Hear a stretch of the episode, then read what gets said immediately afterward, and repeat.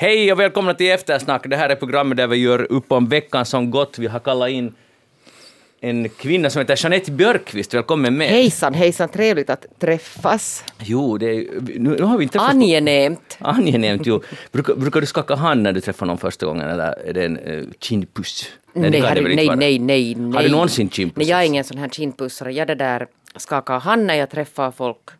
Ja. Hur Eller- det handslaget, är så här löst? Nej, det är inte löst och det där min dotter är utbildad sen hon var fyra år gammal hur man skak, skapligt skakar hand med folk. Hur, hur gör man? Vi tränar. Vi testar döda fisken, Ja. nej, Jaha. och sen testar vi det riktiga. Ah, och du har ett sånt? Jo, och jag har hört om det många gånger att jag har ett mycket stadigt, fast jag har väldigt små händer, det är ett problem. Det är ett problem särskilt när det kommer stora händer alltså, som ska hälsas och min lilla hand räcker inte liksom till till att till exempel när jag skulle en gång skaka hand med Paavo Lipponen och han har en enorm hand. Så när min hand inte liksom riktigt vill räcka till att ta sen det där stadiga. Men tar, klämmer du ändå lite på Jag klämmer ändå. Ja. Jag sa att ursäkta jag måste korrigera sen. Just det. Bra Jeanette Björkqvist. Rico Eklund är också här i studion i Böle. Välkommen med. Tack så mycket. Men du är nog en som föredrar kindpussande Eh, framom, eller? det beror på vem jag träffar. Alltså, jag tyck, Om du jag, träffar Jeanette? eh, Men vi kramas ju. vi kramas, jag- och jag vet ju, jag känner ju Jeanette sedan ett antal år, år Aha. tillbaka, Ja. och jag vet att hon inte är kindpussarnas eh, förlovade land, så att säga. Eh, så vi brukar inte kindpussas, Nej. nej. men vi kramas. Kramar, det är det jag mest sysslar med, men jag är också inne för kindpussar. Men, Men nu du- har det, man ju då inte under ett par års tid just kunnat kindpussas Men pratar alls. vi inte alltså om när man träffar en människa första Jo, det var gången, då kramas man Jo, ju. då kan man ju inte kindpussa. Första gången Ja, Inte i kindpussar Finland man i alla fall. inte. Nej, inte i Finland. Jo, men i Frankrike tror jag man gör det. Kanske. Eh, Jag skulle säga det. Jag är inte, du är ju mera fransk Ja, ja, än absolut, vi absolut. någonsin kan bli. Ja, så är det. det där, men bra. Eh, Jag heter Magnus Lundén, programmet Eftersnack och vi ska göra upp om veckan som gått. Eh, Det är mycket som har hänt, men först, vi tar inte största först, utan Sanna Marin har blivit så att säga frikänd från att hon har inte brutit mot tjänsteplikt när hon inte hade sin tjänstetelefon med. Och kommer ni ihåg när hon var på krog? Jo, vi kommer verkligen det. ihåg Ja. det. Ja. Nå, på något sätt känns det som det här ärendet har krympt från en ganska liten sak till en, liksom en liten... En liten... Ja, jag undrar om ingenting. Ganska, om inte ganska många hade glömt bort det här helt och hållet. Ja, men nu har det kommit, det, vad är det nu, rikskansler, vad heter det? Vad heter det? Uh, justitiekanslern. Rik- ja. ja. Tack. Han har nu eh, sagt att det här var okej. Så det där... Så nu kan vi gå vidare helt enkelt. Ja, och är det inte skönt att veta, nu, att det var okej? No, det, det är alldeles bra att veta. Jag tycker personligen fortfarande att hon bra kunde ha haft sin tjänst. Ah, du tycker ändå att hon- Ja, det tycker jag. Ja, jag tycker nog att statsministern ska vara... Hon hade ju nog en annan telefon med sig. Ja, men... Det får du tycka, om man men, inte du, men hon gjorde inget på- fel. Nej, jag förstår det nu, men jag tycker att hon kunde ha sina Kan du det här- telefoner med sig. Öppet säga att du hade fel, för att nu är det officiellt... liksom hade han, han har rätt i sin åsikt. Ja, jo, det, det, är. Jeanette. jag är lite tveksam till det där, men Inte jag... det är så att om en myndighet säger någonting så måste man tycka samma som myndigheten. Så är det ju inte Nej, så är det inte. i Det- detta land. Nej, och inte I all- motsats till vissa grannländer. Mm, precis. Eh, men han är överhuvudtaget, nu är det ju tvåårsjubileum för corona, han är i coronaangst och går ni omkring och tänker på det? Inte alls. Alltså jag, hade väntat, jag hade sett fram emot det här att de skulle slopa det här mask. Ja, du lovade i förra Jag veckans vet, men så, så var det sagt och, det där, och sen blev det ju inte sen då så. Nej. Men, men det intressanta är ju alltså då samtidigt är ju smittkurvorna är ju jättehöga och det dör mera människor i Finland i corona än någonsin tidigare. Mm, men jag, är också, jag önskar också att vi kan slippa maskerna. Som det var eh, när jag hade glädjen att besöka Stockholm här och, och så Magnus fina utställning på Nordiska museet. Där var det ju ingen som hade något munskydd utan inte i kollektivtrafiken och om det var någon på stan, jag såg nog några, då var det några japanska turister eller, eller fin, finnar. Ja, det var ungefär en på hundratusen som hade un, ungefär den storleksordningen. Men uh, nu, jag vill säga bara om de där dödssiffrorna, så, alltså om man studerar det lite närmare, så det är inte så som det ser ut. Ja, det var en, en typ läkare, eller vad han nu var, i Danmark som förklarade det här, att det ser vid första anblicken ut, jo, många dör, men det är jätte, jättemånga av dem som dör av andra orsaker. Men det hade ju de varit hela tiden. Ja, ja, visst, men nu är det ännu större andel som dör av andra orsaker, men som har corona. Att, och han, man måste jämföra med överdödlighet, alltså med dödlighet över flera år för att kunna få, och det här Jag borde man lyfta fram Jag- i jag förstår. Finland. Jag förstår. Jag, jag tycker att dessutom finns det just nu ganska mycket annat att fundera på. Och det, vi glider över till den frågan. Hesari hade annars en intressant rubrik idag i fem minuter på sina webbsidor. Uh, istället för Ve- Venäjän hyökkäys Ukrainaan så var det Venäjän hyökkäys Suomeen. Så hade någon tyvärr skrivit fel rubrik där på, på Hesari, på Finlands största dagstidning. Bara så ni vet. Och jag skulle säga att man ska inte kasta sig rolig i de här situationerna. Eller om man har den där makten man kan skriva in rubrik på, i Hesari. Nej. Gör, gör det inte. Så att, men den, den hängde där i fem minuter, men den, den fixades sen. Så det var ju bra. Rico, är du orolig för, jag menar det finns mycket att vara orolig för, men om vi tänker på Finland, på tal om just eh, en sån här rubrik. Uh, jag är inte nu i stunden orolig, men, men alltså för att nu Ryssland ska attackera oss. Eh, där förlitar jag nog mig på presidenten och också vår statsminister som har sagt att det inte föreligger något akut hot. Men, men på längre sikt om Putin sitter vid makten, eller fortsätter att sitta vid makten, så, så oroar det nog mig på, på, en, på, en, på, en, ja, på längre sikt. Mm. Jeanette, tror du på de här fre- fredsförhandlingarna? Alltså har du läst, men det kommer inte så hemskt mycket information Nej, det om kommer inte så mycket information och det där eh, man måste ju alltså sätta någon form av hopp där. Sen har jag svårt att se att hur ser fredsförhandlingar i en sån här situation ut. Eh, och det får vi ju helt enkelt bara liksom se att, att vad, är, vad är det egentligen meningen att ska, för att det finns ju egentligen ingenting annat att, att diskutera än att Ryssland ska sluta bomba och, och dra sig ut ur Ukraina. Det finns ju inte, jag menar, vad, vad annat kan man diskutera där?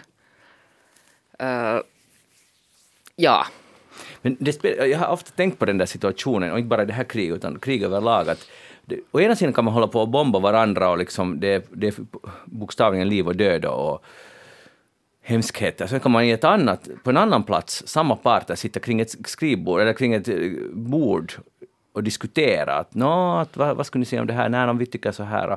Helt civiliserat utan att de hoppar liksom i luven på varandra. Att det är ganska otroligt att det går ens att sitta och förhandla samtidigt som det krigas. Att hur det ens så att säga möjligt. Och, och, alltså det, det är kanske en bra sak, men jag tror att många är kanske också oroade för att för det första är fredsförhandlingen bara en, en, liksom ett, en dimridå från Rysslands sida. Och, och om det inte är en dimridå, så då är det också ganska konstigt att tänka att de nu skulle gå med på att okej, okay, vi sticker då härifrån. Det, det, vi, är, vi är så att säga nöjda nu och vi, vi, vi drar oss tillbaka och kanske Ukraina förklarar sig neutralt eller något.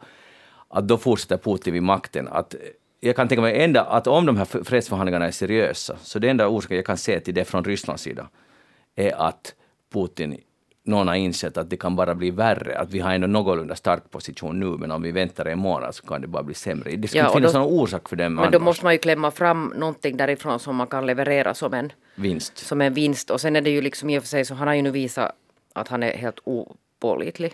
Ja. Så, så det där, jag vet inte liksom vad man riktigt ska ge för, för sådana här ryska löften eller sånt här. Att, att det är kanske aktion och inte där tal som, som gäller nu. Nej.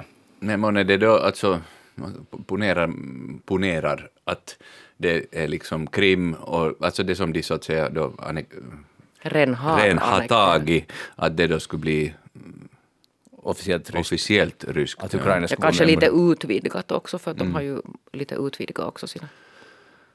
Ja, men, men det att, att man krigar och, och samtidigt för förhandlingar, har- det har ju hänt i Jag vet, an- jag vet. andra Men krig tycker du inte det är konstigt att det är så där? Det är, kän- känns väldigt konstigt och, och sen just det att man ska, så att säga, den svagare parten måste försöka visa sig så stark som möjligt för att kunna få någorlunda någon slags förhandlingsposition Ja. eh, alls, att inte måste ge sig.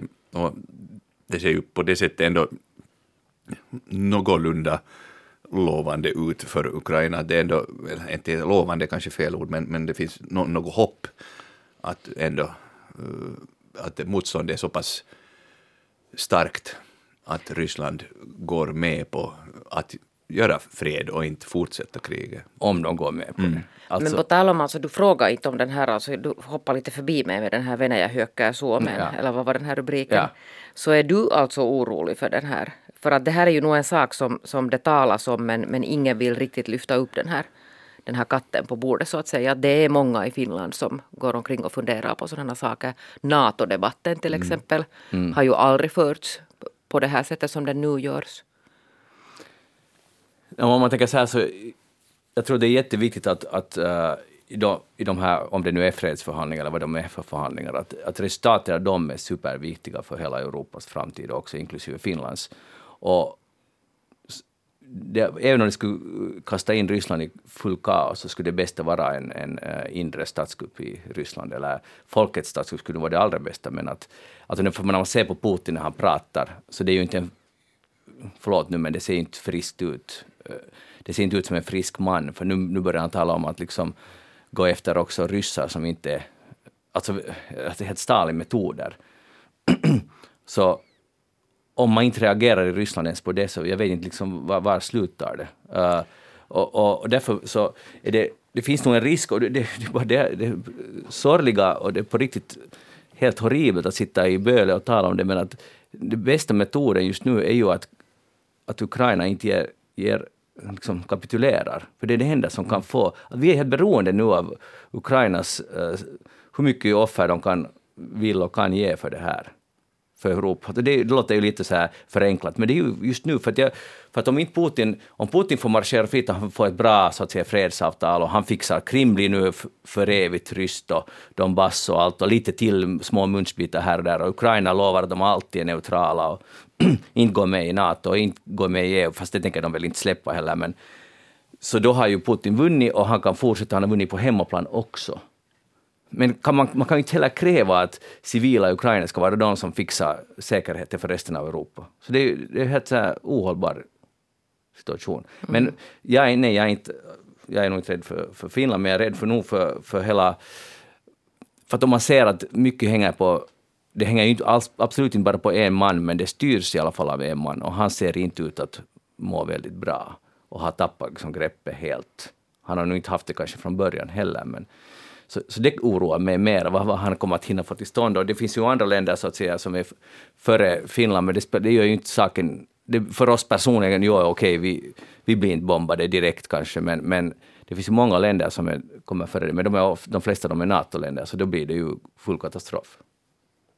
Duger det som svar? Ja, jag tycker att det var ett väldigt bra svar. Jag, jag såg ett citat av, ett, nu kommer jag inte exakt ihåg vilket men alltså för inte så många, men några år tillbaka där Putin la ut texten om då de länder som han, eller de folkslag som, som då han upplevde, åtminstone i det skedet, att, att liksom hör, hör, hör till det här vad heter det, Ruski Mir, alltså den här ryska världen. Sfären kanske? Ja, eller, men den heter... Ja, det, det är värld, ja, är värld. Ja, sfären, ja. Och där var också, alltså där näm, nämnde han då de finsk-ugriska folken som, som en sån uh, befolkningsgrupp som hör till den, till mm. Ruski Mir, till, till den här ryska världen. Mm. Så det var ju inte så trevligt att bli påmind om den te texten när jag råkade läsa den. Det, där, eh, det finns en sån här, om, om man vill syssla med önsketänkande, vilket jag gör varje morgon när man tittar och man hoppas att det ska börja bubbla i Ryssland. Och det finns ju små, små signaler. Men, men de här ryska republikerna, Ryssland består ju, är ju faktiskt en federation, består av, av 22, eh, tror jag, republiker. Och Ryssland är, de flesta, alltså de är ju små enheter och så vidare.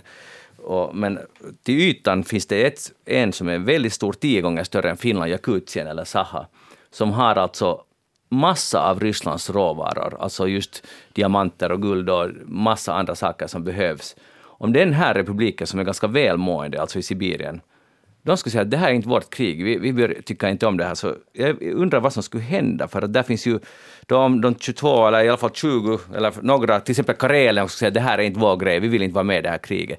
Alltså precis samma sätt som Sovjet föll ihop, så skulle Ryssland falla ihop inifrån. Visserligen så bor de flesta människor inte i de här 22 republikerna, de bor i, i Ryssland, så att säga, i ryska län, så det är kanske utopistiskt. Men att, att eh, det där Jakutien, någon journalist borde fara till Jakutien och fråga tycker ni om det här kriget? Det här är bra för businessen, för nu är de ju alla de jakutiska statsägda bolagen, eller de ägs ofta tillsammans med ryska staten, är nu också sanktionerade. Så det kommer att synas direkt där och det är inte ett krig Jakutien på något sätt behöver. Så. Mm.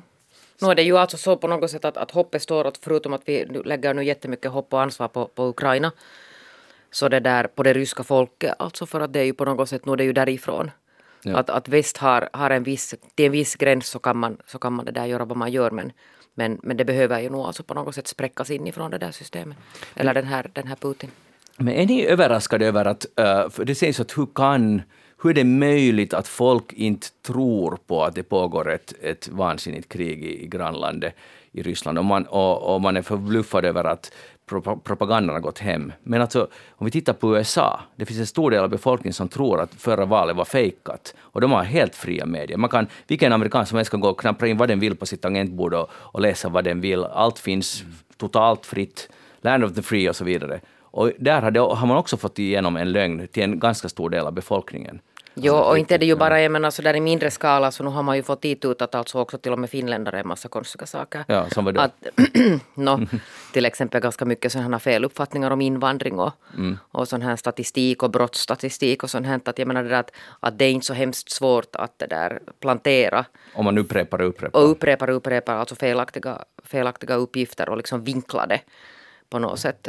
Sen är det här är ju alltså i en sån här gigantisk skala den här.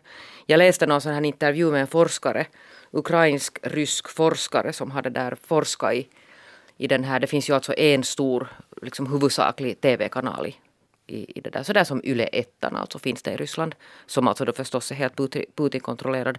Och hon har analyserat, alltså sån här riktigt ordentlig djupanalys på, på vad det är som har hänt alltså i den här kanalen sen ungefär 2013 det vill säga då hela Krim, liksom den här fasen.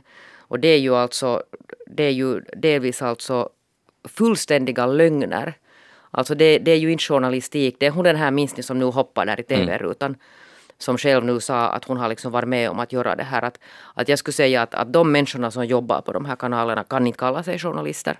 De är alltså helt enkelt inte journalister för att, för att det där, jag har ju nu själv förstås alltså följt med, jag, jag kan inte ryska men, men det där men om man betänker liksom att, att det här är en huvudsaklig kanal som, som stora majoriteten av, av ryssarna tar till sig så är jag inte alls förvånad över att man idag köper en sån här för att det, det är nog, man måste alltså läsa den här den här, åtminstone den här intervjun med den här forskaren för att förstå att det, det är långvarigt, det är systematiskt och det är hemskt smart gjort det här. Mm.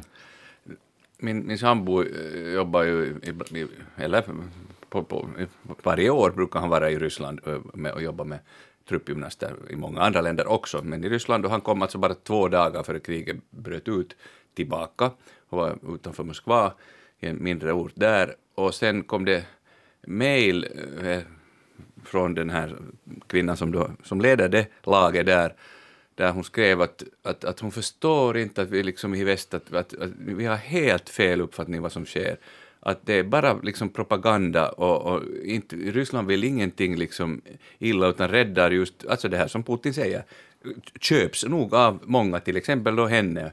Och, och han svarade det stämmer inte och hon nej, nej, nej, ni förstår inte alls att det där är västpropaganda bara som mm. ni, det, det ni får er i tutat. För man måste tänka att, att den är ju nästan lika skickligt gjord för att för, för, för vi litar ju också på media. Vi tror alla vi, mm. vi hittar vem vi ska följa på Twitter eller vilken media vi ska följa. Så, så vi utgår från att det här är sant. Att det, här som, att det här är sant och sen får man det bekräftat från någon annan. Om, om man bor i Ryssland och litar på rysk media så får, kan man ju också byta från ena statliga kanalen till den andra och kanske till någon privattidning som nu har gått in i ledet. Och så tycker man, men det, här, det står ju alla samma saker, det här är ju också sant. Jag menar, att när man är inne i systemet ja. så är det svårt att ifrågasätta det här? Ja. Jag tänker att det speciellt kanske gäller då en äldre, alltså medelålders och äldre, att det är en kvinna som är 60-plussare och, och, inte aktiv, speciellt aktiv på sociala medier så här, så att, eh, så att hon, som följer säkert de statliga nyheterna och tv-kanalerna, som hade som främsta källa, och, och, och de statliga tidningarna och så här. Och sen när de använder sig av det här, man skulle kunna kalla det tvärtom språket. För de har, han eh, kanske inte kollat, men F, eh, Ryssland skickar ju till FN en, nu en sån här begäran om att, att det skulle tas upp de här hemska brotten mot de mänskliga rättigheterna som sker i, i Donbass och har skett och, och så vidare. Och, och den fanns den här texten som de hade skrivit. Och den är liksom ett, ett fruktansvärt exempel på tvärtomspråket. Allt det de sysslar med så har de liksom satt på någon annans eh, axlar. Att det, de humanitä den humanitära tragedin i Ukraina, att nu måste vi skydda kvinnorna och barn och nu måste alla stödja den, den här resolutionen för att vi måste, FNs stadgar måste respekteras i Ukraina. Alltså, vet ni, man, bara, och man blir helt paff när man läser det. Och sen hade, jag tror att det var Kanadas uh, delegation i FN, eller någon hade gjort så här eh, minor editing i det här. Att här ska man kunna, de, de använder just tvärtom, att man vänder tillbaka det så som det är. Så då skulle det bli rätt. Men Ryssland har bara satt det liksom det som de själva sysslar med har de satt Projicerar de på ja, någon annan. på någon annan. Och så sprider man dimridå på det, några går på det, eh, stor del av Ryssland går på det, och, så, och sen, vad gör man sen? Det är ganska svårt. För att om det här tutas ut överallt i Ryssland, så här är det. Vi, vi, vi vill bara rädda, vi vill rädda Ukraina. Vi vill ta bort nazisterna därifrån. Så, så, så man blir lite, uh, eller inte så lite, man blir väldigt matt, men när jag uh, körde bil till Pargas här i veckan då, nej den här veckan ja, så körde jag och så höll på bensinen på att ta slut. Och det är ju aldrig roligt, och inte när det är så här dyrt, men det är inte roligt annars heller. Och just då kom det en bensinmack av ett nytt brand, ST1, som jag tror jag ungefär aldrig har ens tittat på. Och då kom jag ihåg någonstans i bakhuvudet vad, vad, vad, det är nog inte så nytt. SD. Nej, men nytt för mig. Ja, okay. ja. Jag, jag, jag, brukar, jag har, för jag är inte så hård bilist. Okay. Så rullade in dit och så kommer jag ihåg att någonstans hade, det var typ min fru hade sagt att de, de har nog inte rysk bensin, hon hade läst någonstans. Så gick jag dit in och frågade, förlåt för jag tankar, men varifrån får ni er bensin? Så sa de från Norge. Och då, kritisk som jag är, så frågade jag en gång till, är du helt säker? Hon sa, jo, allt är från Norge. Och då blev jag jättenöjd och för första gången i mitt liv när jag tog bensin så kände jag mig nöjd. Och, och då fick jag lite morkis efter. Men alltså, förstår ni, det här, man står där och tankar det här som vi alla borde sluta med. Fast den kostar 2,50 liter. Ja, men jag var ändå att nu köper jag norsk. Alltså, aldrig har bensin, bensin känts så ren och så fräsch och så fin. Norge, det är nästan som laxen. Ja, ja. norsk diesel. Och, och då, då var jag nöjd. Och nu, ni får gärna dissa mig, låt komma. Nej, jag, jag förstår din liksom jag förstår din inställning. Nordisk bensin. Jag bara funderar, alltså jag bara funderar... Men du säger ju själv hur absurt det låter så man behöver liksom inte dissa det Men om men... de skulle ha sagt att den är rysk så vad skulle du då ha gjort? Den skulle ha kört iväg snabbare än kvickt. Utan bensin, med tom tank? Eh, eh, mm, det skulle ha tagit två liter. Ja. ja. Och, och jag, blev, jag blev så lycklig så jag, jag, jag blev medlem. Alltså, förstår ni, jag köpte... Jag frågade, I SD1? Ja, kan man bli medlem? Så, ja, det kan du. Och jag fick mitt medlemskort med mig. Och jag är stolt nord, nordist nu för det här. Och jag menar bara att, att, att, hur man kan lura sig själv. Att man, borde ju inte, man borde tanka mindre, man borde bara cykla till landet eller någonting. Men så här gick det nu den här gången. Mm. Och, och, det där. Och sen, jag tycker inte Magnus att du ska vara så sträng med dig själv för du nej. kör ju inte alls så mycket. Nej, nej, jag gör och inte. inte så att, säga, så att säga i onödan. Väl. Nej, tack för att ni stöder mig. Men det finns en begränsning också på min nordism, för sen frågade jag, tänkte jag att jag var så lycklig, det här jag lovar, för det här var, man, man känner att man vill göra någonting. Så jag att, har ni lunch? Så han, jo, vi har lite kvar. Så att, nu vad är det? Det var någon lihapata. Och så frågade jag, aha, har ni något annat? Jo, vi har köttbullar. Så frågade jag, vad är, vad är liksom, hurdan rätt det Så, no, det är nu från sån här färdig mat som vi har värmt upp i mikron. Då, där är gränsen för min nordism, att jag, jag, jag åt inte lunch där. Det, det där gjorde du rätt. Ja, var det rätt Jag tror inte att det ska vara gott. Nej. Nej. Nej. No ja, men uh, nu är det många som tycker att okej, okay, elbilar, då är vi inte beroende av, av Ryssland, men uh, nu läste jag just en artikel om nickel eh, som behövs för de här batterierna. Priset skjuter i höjden för att Ryssland är en enorm leverantör av nickel. Så där är inte heller lösningen. Så vad ska vi göra, Jeanette? För, och sen Greenpeace hade en demonstration mot uh, uh, leveranser av kol i Kouvola, där de har tuschen, uh, målat ner en massa järnvägsvagnar med skrivit att inget kol, inget krig. Och det här som Sanna Marin också tog upp, att vi de facto finansierar vi ju hela tiden Rysslands krig. Det är ju det vi gör. Varför? Lite mindre men, än alltså tidigare, men dock. Mm.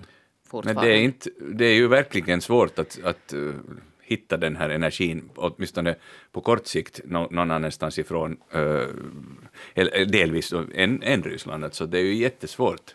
Och också elen, alltså, den, den ska ju också produceras, inte, inte, inte uppstår den av sig själv, annat än då till viss mån nästan av sig själv, solenergi och, och, och vattenkraft och vind. Mm. Men, men annars så.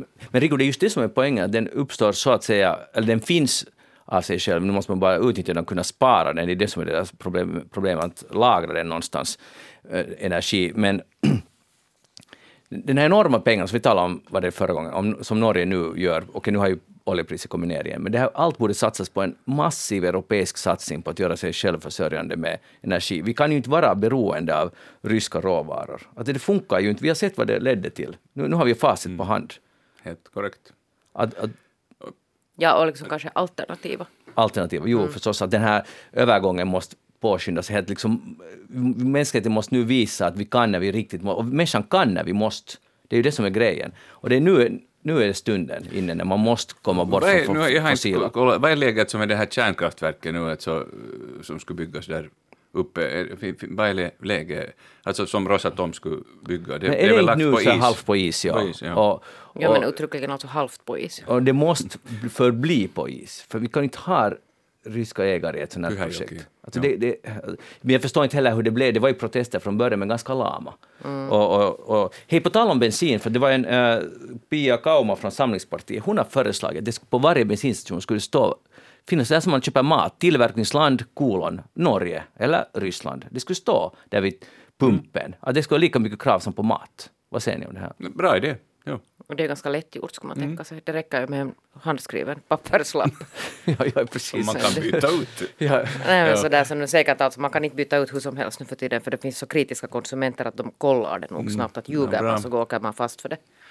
Och annars en litet tips. eh, Lavrov, så, uh, jag tänkte säga Sovjets, men Rysslands utrikesminister, han sa här i en intervju, jag tror att det var idag, att de enda som levererar riktiga nyheter i USA är Fox News och Tucker Carlson. Okej. Så, så, att, så bara som ett tips, att, att om man vill se, om vi talar tvärtomspråket, eller han talar tvärtomspråket, så icke riktiga nyheter, då ska man kolla in dit. Men det gäller faktiskt inte Fox News nyheter de facto, utan det är ju de här opinionerna där, där som är lite, alltså det är spännande hur man i sin hat mot Biden kan bli polare med vem man vill. Alltså, det, det är viktigare att vara vän med Putin än att vara, ge någonting åt Biden. Hänger ni med? Ja. Att hans motståndare måste vara våra vänner. Det är den här logiken. Säkert har vi alla som är mot Trump samma, att hans, eh, hur blir det nu, hans, nåja, ni, ni förstår vad jag menar. Att man tänker för kategoriskt det här, man inte tänker själv. Rico Eklund, du ville, eh, vi, un, undantagsvis tar vi upp ditt, vad du har tänkt på den här veckan nu. Så vad har du tänkt på veckan? Jo, alltså vi ordnar, som, eh, som du Magnus också är medveten och med- i hö- högsta grad, en sån här stödkväll för Ukraina på Svenska Teatern i Helsingfors, måndag kväll, eh, där det blir både diskussioner och musikinslag och poesi av, av ukrainska poeter och, och så. Och, och jag ska och jag, när det blev klart att på mycket kort varsel att den, den skulle bli så här, alltså det var en av våra senmåndagar vars program då äh, omorganiserades och flyttades då till stora scenen med livepublik, så meddelade jag mitt intresse att, att jag, jag ställer gärna upp och att, att jag har en, en, en sång som jag tycker att tematiskt liksom och textmässigt skulle passa bra, som var Vladimir Vysotskis sången om jorden. Nej, säg inte att jorden har dött, Eh, att man inte kan så eller skörda, för hon har bara gömt sig en tid. Hon har burit en blodig börda, så börjar den. Eh, och det där verkade först vara, ja, att det är en bra idé, men sen har vi då alltså ukrainare, eh, delvis då bosatta i, i Finland, som medverkar, och, och hela kvällen är ju då för Ukraina, en stödaktion för Ukraina, och de upplevde mycket starkt att, att det här inte alls var en bra idé. De kunde inte tänka sig att vara med om, om man sjunger en, en rysk sång som av det slaget, eller inte slaget överhuvudtaget, för det är ju alltså en, en, en sorts protestsångare som Vysotskij var, och, och var ofta regimkritisk i Ryssland. Men det att den var rysk. Och, för, och, och min första reaktion var att jag tänkte att nej men att, att varför kan man inte att det där innehållet är ju helt liksom rätt att, att, att men sen, de hade just, jag var inte med om den här diskussionen själv, men jag fick be- berättat att, att förstå nu att vi är, de, de bombar våra hus, de tar livet av våra mm, liksom, män och söner och, och, och, och civila barn och allting att, att det går inte, vi klarar inte av att det, att, att det är då så att säga vår fiendes. Och så tänkte jag på eh, liksom den situationen då långt bak i vår tid, alltså när vi, Finland var i krig med Ryssland, att om det skulle ordnats någon motsvarande stödkonsert så, så är jag säker tror jag säkert jag själv, det är svårt att tänka sig om man skulle vara med då, men jag kan tänka mig att den stora majoriteten skulle absolut ha tänkt lika, att absolut inte kan man Eh, uppträda med någonting som är ryskt eh, då när man är attackerad av Ryssland, eller vilket land det nu än är. Alltså jag, jag tycker att det borde vara möjligt, men jag förstår också den här ryggmärgs mycket känslomässiga starka reaktionen mot. Och det, eftersom det är en kväll för ukrainarna och för Ukraina så måste man ju respektera förstås deras åsikt. Ja, utan vidare respektera, och jag skulle inte ens börja blanda mig i det egentligen. Sen kan man ju tänka sig att man kan fundera vidare på det att, för det ordnas ju många konserter och tillställningar i Sverige för Finlands sak. Jag har själv sett de här affischerna. Att, Ordnades. Alltså. Ordnades alltså på 1940. Och det där, och utan att nu alls veta, det är ju långt före vi levde, men är, är du säker på att man inte skulle kunna haft en, en rysk fredssångare som är allmänt känd i Finland för att vara emot kriget som skulle ha fått uppträda där. Jag vet inte, hur skulle vi ha reagerat om vi skulle ha levat då? Jag vet inte. Jag tror att vi skulle ha reagerat just som ukrainarna reagerar. Jag tror att det skulle... Jag, eh, på 1980-talet, då alltså ungefär 40 år efter att krig, alltså andra världskriget hade tagit slut, så var jag, sjöng jag i akademin, Akademiska sångföreningen, och det, som hade sådana à la carte-konserter, sådana lättare konserter. De hade olika teman, det var Disney och det var Beatles och det var en det ena och det andra. Och sen var, det, var jag med om, när jag sjöng bara ett par år aktivt, så var jag med om en konsert där ena avdelningen var ryskt. Och så sjöng vi då äh, ryska sånger, Kachusha, EU, och sånt här. Fina sånger, de var bra arrangerade. Och då steg det upp äldre akademare, alltså krigsveteraner, steg upp och gick ut och mm. blev fly förbannade att akademen, Akademiska sångföreningen, liksom, som de, deras kör som har uruppfört vårt land och som liksom att hur kan man göra så här, liksom då, jag tror att de just kacka i eget bo, att hur kan man, och då som 20-åring eh, så tyckte jag att oj vad de nu överreagerar, att, att, att det är ju 40 år sedan kriget, att, att oj, men idag tänker jag att herregud, det var 40 år bara. Alltså, 1980-talet, då när jag var med om det här, det, det är lika nära alltså. Mm. Och, så jag, jag tycker ju att man borde kunna 40 år senare uppträda med rysk utan, men å andra sidan, har man varit med om det där så förstår jag att den här reaktionen är jättestark. Men uh, här kommer ju lätt in, in den där Alltså nu var här två spår. Som här finns två, så här finns flera spår. Men, men det som ju nu händer också, för den här ukrainska, att, att man inte vill vara med i en debatt och, och att ni måste respektera det, respekt, måste man ju respektera. Det är ju självklart, tycker jag. De är med i den där debatten. Men det betyder inte att vi måste vi kan inte cancella allt som är ryskt i andra sammanhang. Om vi, som Lidl nu gjorde, att vi tar bort alla produkter som har rysk anknytning, som är liksom i rysk stil. Och det, det är ju helt, det är ju helt knäppt att göra en sån, en sån åtgärd. Så jag kan inte förstå, eller som vi, vet ni när man spelar fantasy fotboll, man kan typ åtta miljoner människor i världen spelar, det är baserat på till exempel engelska ligan, och sen spelar man med riktiga spelare och bygger upp sitt lag. Och nu, om jag förstod rätt så har de cancelat alla ryska spelare i det där spelet, för att de är ryssar. Mm. Och jag tror inte att det, liksom, det skapar inte fred, den åtgärden. Det finns andra saker som är mycket viktigare, just till exempel sanktioner eller vad som helst, hjälp hjälpa flyktingar eller, eller tala emot Putin och gå på demonstrationer. Det finns massa saker som är, på riktigt gäller, som har någon, kan ha en betydelse. Men sån här, det, eller, att, eller att måla, uh, hänga upp flaggan, så, så det, det, det, är symboliskt helt viktigt och helt fint, men det hjälper inte så jättemycket. Eller att, eller att delita allt som är ryskt. Det, jag, jag har sett till exempel ryska, ryska restauranger nu i Helsingfors som har stora ukrainska flaggor alltså på, på sin dörr eller ja. för att visa att, att vi är en rysk restaurang med rysk mat men vi stöder alltså Ukraina. Uh, jag vet inte om de har drabbats alltså av, att, av en så att säga kundflykt. De Alldeles drabbades alltså inte bara av kundflykter i ganska genast utan de drabbades ju också av direkta alltså angrepp. Mm.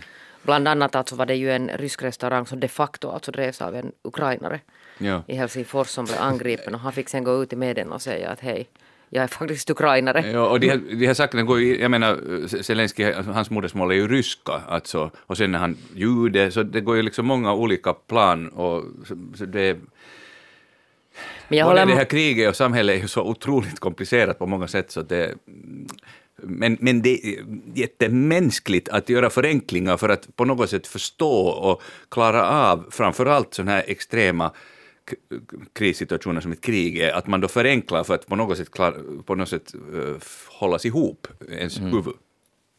Jo, det är alltså precis säkert så Men det där, det är nog helt som Magnus säger att, att, att där kan man inte fastna för att för att då gräver man in sig just i sådana skyttegravar därifrån det är svårt alltså att komma ur för att nu har det ju talats mycket om det här att det är ju ändå ett sånt här broderfolk att man har väldigt mycket liksom nära kopplingar alltså över gränserna och jag förstår alltså då på den tiden när, när vi hade krig för att det fanns inga sociala medier och det fanns alltså inte någon sån här på det sättet snabb eh, liksom omfattande information om till exempel eh, vad vanliga ryssar tänkte. Att det var kanske inte saker man tänkte på då.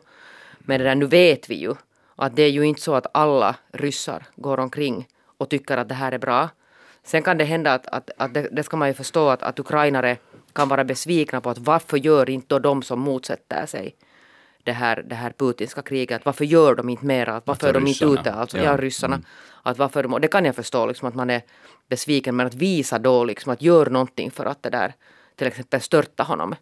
Eller what not. Och sen har vi haft Anna-Lena Laurén här som sa att, att det är ju liksom i princip liksom no, om inte med risk för livet men åtminstone med risk för hälsan man gör det. Och där har ju varit, alltså det, det är ju inte, det är ingalunda lätt alltså att vara nu en regimkritiker i, i Ryssland. Men, men visst är det så att, att nu kan jag ju också sitta och tänka men varför, varför gör man inte någonting inne i det här landet? Mm. Fast jag förstår alltså att det är inte så lätt. Liksom, det, det vi tror vi kan hoppas på är en, en liksom kombination av alla de här. Jag vet inte vem som ska ta första riktigt seriöst steg. Det är att Belarus skulle inte gå med i det här tåget. Det skulle bli en inre revolution.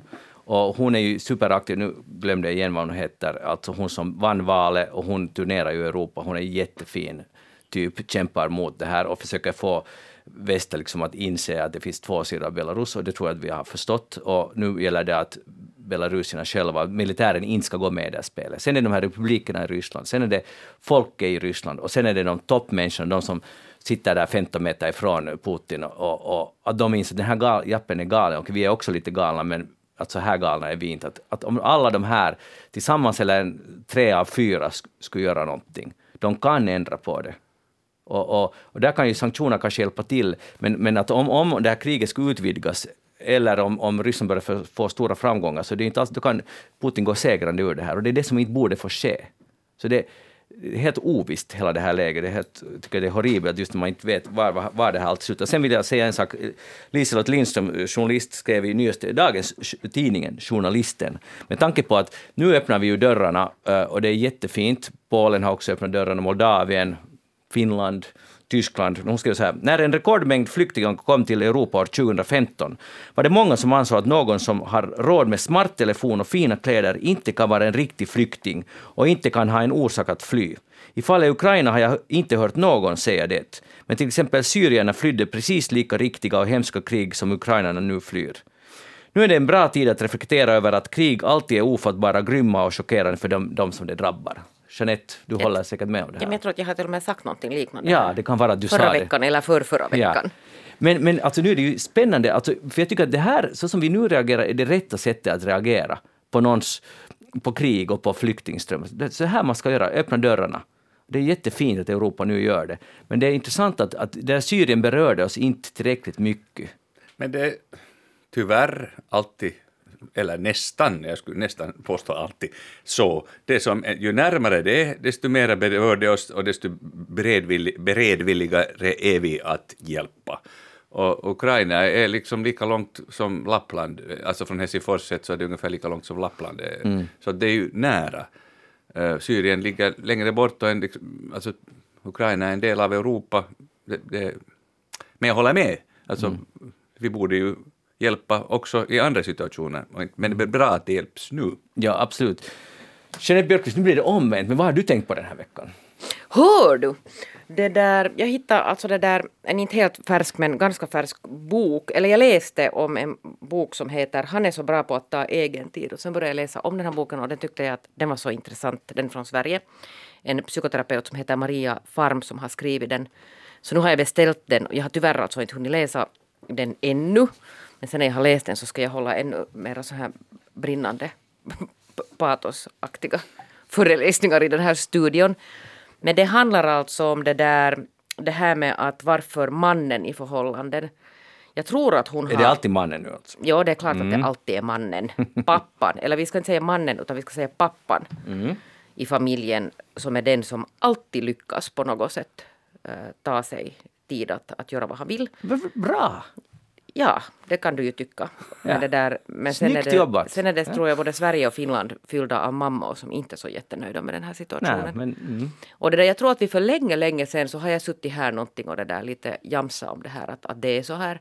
Och så har du sagt att, ja, men att, att, att gör någonting åt det. Och nu är det den här, Precis. så här att den här Maria Farm, Färm skriver att det där att det är inte alls så att det är individens ansvar. Att man kan inte alltså lägga det, det liksom ansvaret på den individuella mamman. För att det här handlar alltså om ett sådant strukturellt problem som det visar sig att, att det där är jätteomfattande och, och utbrett. Och jag har inte som sagt alltså läst den här boken, men jag råkade tala med en bekant och sa att oj vet du att jag har, jag har beställt en sån här bok som heter si och så.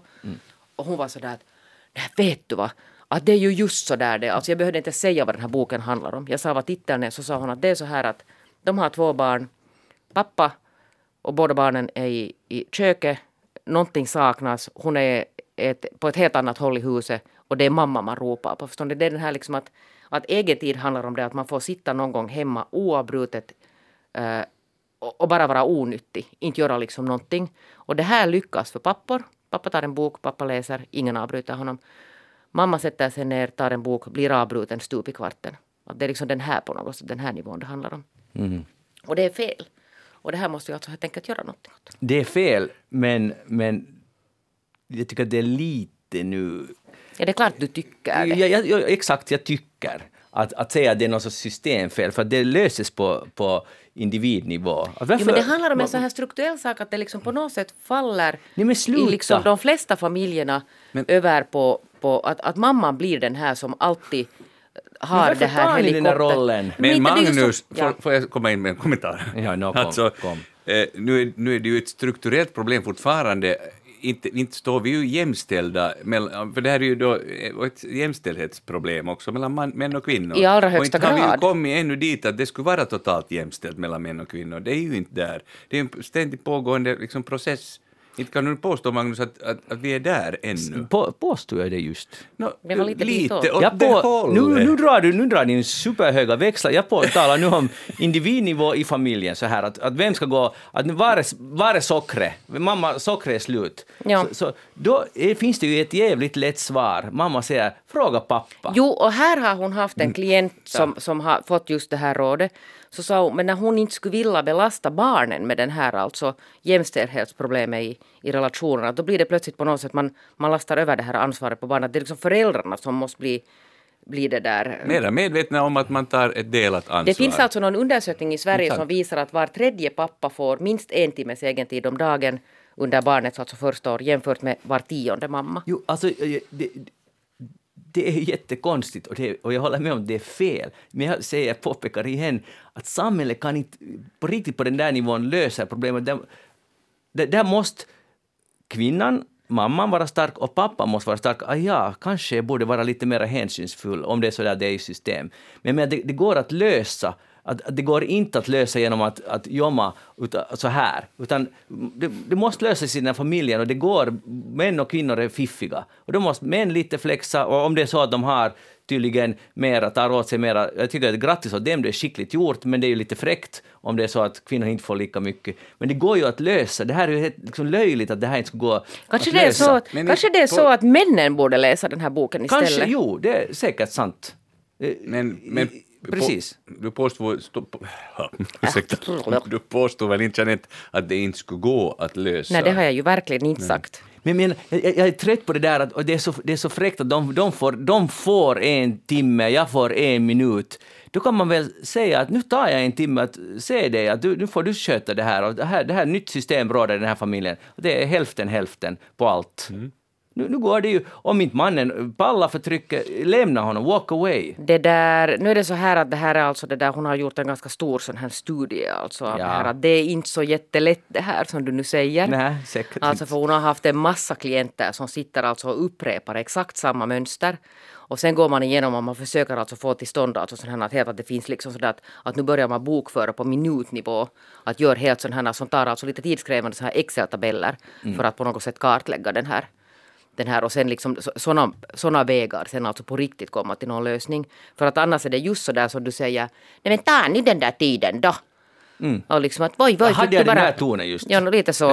att, att du fick nu bara en minut och jag fick en timme. Att voj, voj, nu gör någonting åt saken. Okej, okay. men... men, mm. men mm. Men har ni sådana problem? Hon no, säger det, att det... jag tänkte komma till, att sen finns det ju, alltså nu, det, nu talar vi då igen en gång, då, eller du utifrån då... Hon sa själv att hon har undersökt bara heterosexuella ja, par. Ja, så det är ju det.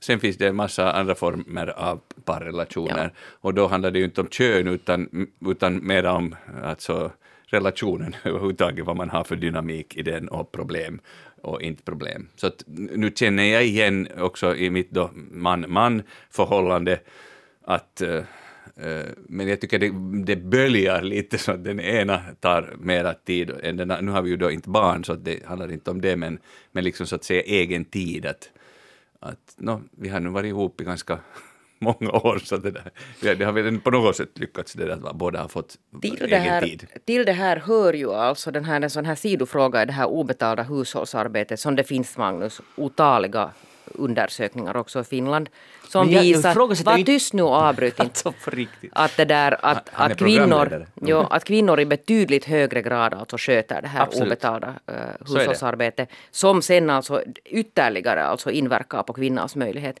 Men jag menar just Rico i ert förhållande så är det just det där att för det finns saker som måste göras i alla hem oberoende om det finns barn mm. eller inte. Så där blir det sen så att vem är det sen som sköter allt sånt som mm, på riktigt måste. Mm. det är därför du sitter och förstår mig lite här. Jag, jag förstår det lite, ja. ja. men det är ju då inte könsbundet utan det är med, i vårt förhållande så är det så som, eh, som, jag tror i de flesta förhållanden är det, och jag tror inte att det alltid följer den här nu, din, den här stora undersökningen om man-kvinna, alltså att det, att det är mannen som får den där, fast du sa nu att det är en väldigt stor undersökning, utan jag tror det finns förhållanden där det är kvinnan som lyckas ta den där tiden och mannen gör. Det. Är säkert färre av dem, men finns det av dem också. Men alltså, eh, för, för att nu vara tydlig, så det är ju inte så att jag jag har ju inte någon mandat att säga att jag tror inte på de där siffrorna, det stämmer. Det har jag inte överhuvudtaget sagt. Jag tror att de där, de måste stämma, om de har undersökt så är det så här. Men jag tycker att lösningen finns i det där parförhållandet. Förstår du? Att, att jag, jag tror, okej okay, vi kan tala om strukturer och förstås är det i grunden det som har, historien har skapat den här situationen. Men nu lever vi i en upplyst tid uh, och om, om man är gifta sig med en upplyst man eller tvärtom, en kvinna, eh, så måste man ju sätta som en av kriterierna för hela förhållandet, att så här funkar det sen. Och då måste ju mannen inse, shit, att nu har jag haft jag, jag trodde jag alltid skulle få ha hur mycket egen tid som helst. Och då måste man inse realiteten att så här gäller det i en modern värld. Jag har förstått och då måste man anpassa sig. Jag har förstått så här om vi ändå talar lite om jag, jag, eh, om jag uppfyller det här, men jag menar att så det här är idealet, att man måste kunna lösa det här. Jo, men om jag talar alltså om barnfamiljer, för det är ganska ofta så blir det kris alltså i det skedet när det kommer barn, ja. för att då är man liksom tillbaka till 50-talet så det är bara pim. Ja. Men den alltså situationen förändras i de uh, förhållandena där pappan är hemma. Alltså pappan stannar längre hemma, så inte bara tar sina två veckor utan på riktigt tar pappaledigt. Så de blir sen alltså i fram, framtiden också mera jämställda för att då är pappan alltså van att ta. Men nu har det ju varit lite rukut med de här. Det har det. Pappans alltså men det är på rätt, om man ska vara lite diplomatisk, så jag tror att vi ändå är på rätt väg. Tack Rico. Knut, Erik. Och om vi inte så är det dags att lägga in sig på rätt väg. Jo. Jag säger som vår talare i Teaterhögskolan Östen Engström i salig åminnelse du är på god väg. Alltså. Men här, alltså, jag, jag håller, det där är ju superbra, att, för det gäller ju allting, att om man själv utsätts för när man tvingas göra saker, man är städare i en månad, så plötsligt förstår man vad det är, eller man är uh, frilansare, eller man är, jag vet inte vad, vad man nu kan vara, så plötsligt får man nya insikter. Det här skulle gälla för alla män, säkert också inklusive mig, att vara mera och göra så att man förstår, jaha, det här är det att inte ha egen tid och att vara ansvarig för allt. Så, så, det är superviktigt och därför tror jag också den här lagstiftningen att man den vägen styr pappor till att vara hemma. Så jag tror det är jättebra. Det. Ja. Så, men igen, så lagstiftning, jo, i all ära, men också det går att lösa det här och ni, man ska inte acceptera. Ja, men så då, alltså, där... jag, jag säger bara att män skulle ju aldrig acceptera att jag har en minut äh, egen tid och kvinnor har en timme. Det skulle bli helt... Eller att jag aldrig får läsa en bok Nej, mer än tre minuter ostört. Det, det skulle inte gå, och helt med rätta. Förstår du vad jag menar? Jo, jag förstår jättebra vad du menar. Hej, jag hade min där eh, VG-månad här i februari. Det hände ju en del annat i världen så jag, jag har inte tagit upp det. Men eh, en av de sista dagarna så eh, festade jag loss på, på jag, måste, jag var nu på väg någonstans och måste köpa någon sån här on the go-mat. Så nu är jag här, har jag en liten tävling för er. Om nu någon undrar så, jag vill att vi ska tala om något annat än Ukraina, så därför har vi lite nu kastat om här emellan. Men nu, frågan till er är, vad har jag ätit när jag ätit det här? Vetemjöl, vatten, rapsolja, socker, salt, emulgeringsmedel E421, jäsmedel 450, E500, surhetsreglerande medel E296, marinerad soja, tomatsaftkoncentrat, sojaböna, tomat, sojasås, konserveringsmedel E3 202, tomatpuré, ättika, brunsocker, limepuré, rökarom, senap, senapsfrö, örter, melass, vitlök, modifierad majsstärk, färg E150A, sellerifrö, koriander, lök, sesamolja, sås, glukossirap, färg E150C, konserveringsmedel E221, sulfit, puré, citron, rörsocker, ingefära, svartpeppar, chili, konserveringsmedel E262, chili, förtjockningsmedel E450, surhetsreglerande medel E330, majonnäs, senapspulver, potatisstärkelse, potatisprotein, citrusfiber, ärtprotein, förtjockningsmedel E417, surhetsreglerande medel E260, produkt av vegetabilisk fett, raffinerad kokosolja, modifierad potatisstärkelse, modifierad tapiokastärkelse, havssalt, arom, färg, E160A, romansallad, isbergssallad, jalapeno. Alltså får jag fråga... Vad har jag ätit? Är det, är det, En hamburgare. Nej, är det en produkt det här? det är en produkt. Det är någon, det är någon alltså Det, här, grönsakshamburgare? det var inget kött. Nej. Nej. Det är sant. det är här- någon... Det här är vegan wrap 240 gram. Det här åt jag medan jag titt, läste den här romanen, eller här, man kan, kan nästan kalla den dikten. Och då tänkte jag att det är inte alltid... Jag, är nog, jag vet nog hur man lagar vegetarisk mat så där riktigt kockar och det blir riktigt gott, men alltså, det här är ju inte mat. Vad är det här? Det är mycket konserveringsmedel. Ja, men alltså mycket riktigt. E-produkter. Alltså, sen, sen, sen känner man sig bra, nu har jag ätit veganskt. Skärpning. Man måste laga den där själv. Den där. Ja. Eller jag det där, jag, jag har all respekt för veganer men, men det där, jag nöjer mig med, med vegetariskt. ja, det är kanske bättre. Jag tycker att det, den där veganen alltså innehåller så mycket sådana här äh, produkter som är artificiella. Mm. För att man ska få sitt protein och annat. Precis när det där, då när Putin invaderar, eller Ryssland invaderar Ukraina så uh, jag lyssnade faktiskt på radio just då när det första gången kom. Och jag, jag fick sån liksom, vet ni, man vet inte vad man ska göra. Så jag tog en dammtrasa och började damma mina köksskåp där överst uppe. Vet, vet ni, I alla fall jag gör Där det man aldrig. inte dammar. Når, man ställer sig på en stol Ja. för att nå det är enorma mängder damm. Och det var så liksom... och Den här frustrationen, den här galen, man blir helt crazy. Och då började jag tänka på en sån här slagdänga som alltid brukar... Uh, heter det slagdänga? Alltså som, Slager, slagdänga. ja. som snurrar alltid i mitt huvud. Uh, Georgiens Eurovisions, förbjudna Eurovisionsbidrag år 2009 när det skulle hållas i Moskva efter uh, Rysk, Rysslands krig med Georgien 2008 så gjorde de en låt som heter We don't wanna put in We don't wanna put in alltså. Och den stoppade Eurovisionen då. De, fick de, de måste göra, skriva om texten, vilket de inte ville göra, så de fick inte delta. Och då, när jag tänkte på den här sången, som är framförd av Stefan ett 3G, så tänker jag på hur det här är en bra symbol för hur Europa har tidigare reagerat på Putin. På hur man gör när man liksom skyddar mobbaren. Oj, att vi är ju inte en politisk organisation i Eurovision. Ni får inte sjunga We don't wanna put in. Resten av sången, ingenting handlar om Ryssland överhuvudtaget. Det är bara någon sorts danslåt, uh, discolåt. Så förstår ni att det är den här logiken vi gick fram till 2022. Att vi stöder mobbaren och alla andra ska, nu ska vi inte tycka synd lite om Ryssland. Förstår ni vad jag menar? Ja. Och för att den här låten tror jag att borde nu framföras igen. Eh, den borde, Göring borde få komma tillbaka med den, de skulle kanske vinna om inte Ukraina nu kommer att vinna säkert Eurovisionen. Och här, det, är de, det är de sjunger “We don't wanna put in in the negative move, it's killing the groove. I'm trying to shoot in some disco tonight”. Och det är uh, “Boogie with you”, Rico. Och det är den sista hälsningen från Eftersnackisna idag. Ska vi skjuta in lite disco och boogie loss den här angsten? Och välkomna på måndagen till Svenska Teatern, en kväll för Ukraina. Tack Rico Eklund och Jeanette Björkqvist. Jag heter Magnus Lundén. Vi hörs igen om en vecka. Ha det bra.